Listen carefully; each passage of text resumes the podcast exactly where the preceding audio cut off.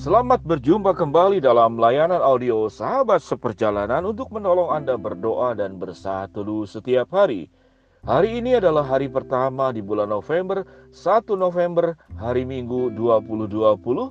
Tema daripada renungan dan saat teduh kita berjudul Belajar Seumur Hidup. Belajar Seumur Hidup. Firman Tuhan terambil dalam Amsal pasal 9 ayat yang ke-9. Demikian bunyi firman Tuhan. Berilah orang bijak nasihat, maka ia bertambah bijak. Ajarilah orang benar, maka pengetahuannya akan bertambah. Berilah orang bijak nasihat, maka ia akan bertambah bijak. Ajarilah orang benar, maka pengetahuannya akan bertambah. Mari kita berdoa. Bapa yang di dalam surga, kami bersyukur bahwa kami terus diberikan pembekalan kebenaran firman Allah setiap hari melalui firman Tuhan, melalui Alkitab, agar kami menjadi pribadi-pribadi yang terus bertambah, yang terus bertumbuh, yang terus berkembang. Kami ingin belajar ya Tuhan satu pemahaman bahwa belajar itu tidak pernah akan berhenti sampai kematian menjemput kami. Di dalam nama Tuhan Yesus kami berdoa. Amin.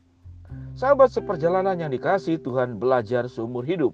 Firman Tuhan Amsal 9 ayat ke-9 ini ayat yang begitu luar biasa.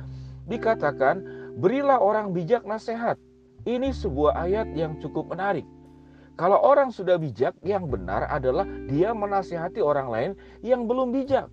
Tetapi yang menarik orang yang sudah bijak ini tatkala diberi nasihat, dia menerima nasihat itu dan ia bertambah bijak. Yang berikut dikatakan, ajarilah orang benar. Orang kalau sudah benar apa yang diajari? Yang benar juga orang benar mengajari yang tidak benar.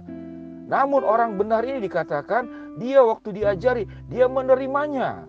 Maka pengetahuannya akan bertambah.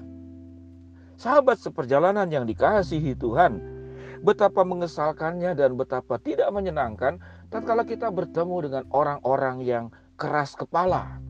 Orang keras kepala biasanya orang yang dia berhenti untuk belajar. Karena mengapa? Dia merasa dirinya benar. Saya memberikan sebuah istilah tentang orang yang keras kepala, yaitu orang yang tegar tengkuk, seperti bangsa Israel yang tidak mau belajar menjadi lebih baik lagi.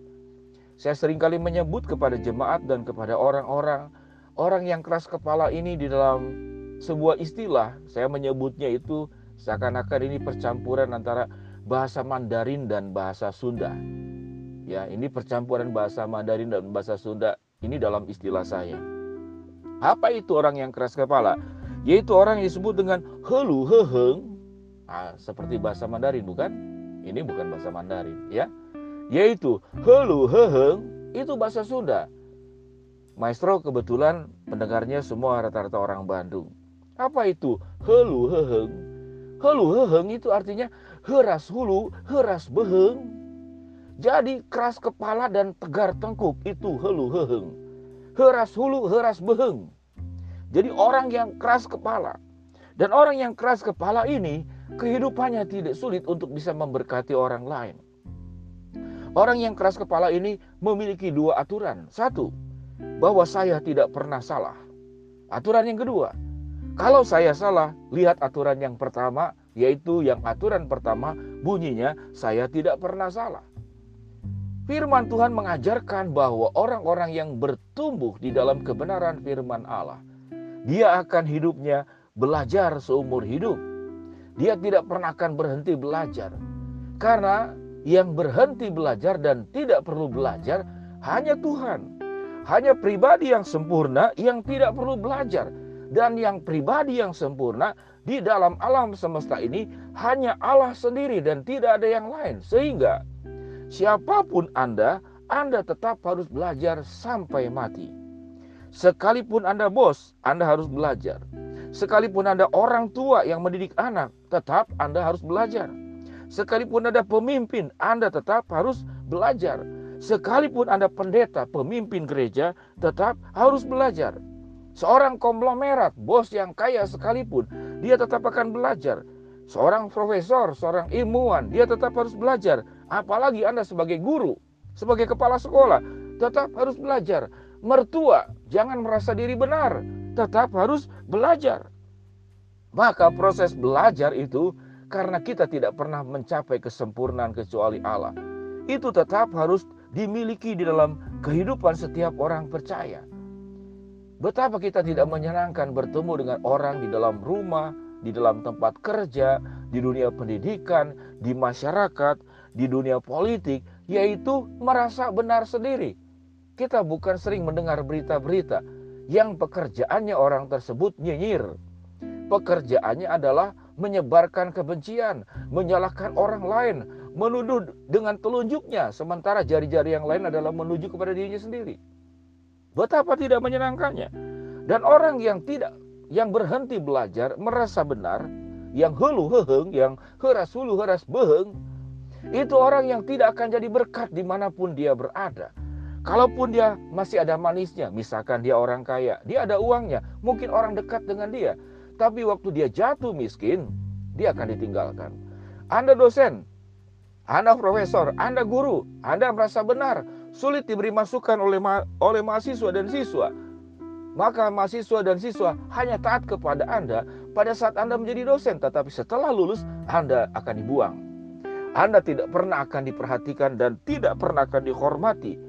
Sebagai orang tua pun tidak ada salahnya kita belajar dari anak-anak yang kita bimbing. Seringkali justru anak-anak itu yang sangat jujur dan sangat tahu dan sangat paham apa kesalahan orang tua. Mereka juga adalah guru kehidupanmu yang Tuhan tempatkan kebetulan dia adalah anakmu. Sebagai mertua, jangan kau merasa lebih hebat dari menantumu. Menantumu jauh lebih muda, lebih berkembang, pengetahuannya lebih maju, wawasannya lebih luas. Jangan-jangan engkau sebagai mertua yang harus belajar daripada mantumu sendiri. Dalam dunia gereja juga. Jangan menjadi gereja yang merasa paling benar sendiri. Tidak ada gereja yang sempurna dalam dunia ini. Kalau Anda suka menokohkan kemudian fans mengidolakan pendeta tertentu, ingat pendetamu itu bukan Tuhan. Mereka adalah pribadi-pribadi yang tidak sempurna yang harus terus belajar. Hanya kepada Allah yang kita harus belajar dan hanya Tuhan sendiri yang tidak perlu belajar lagi karena dia maha sempurna.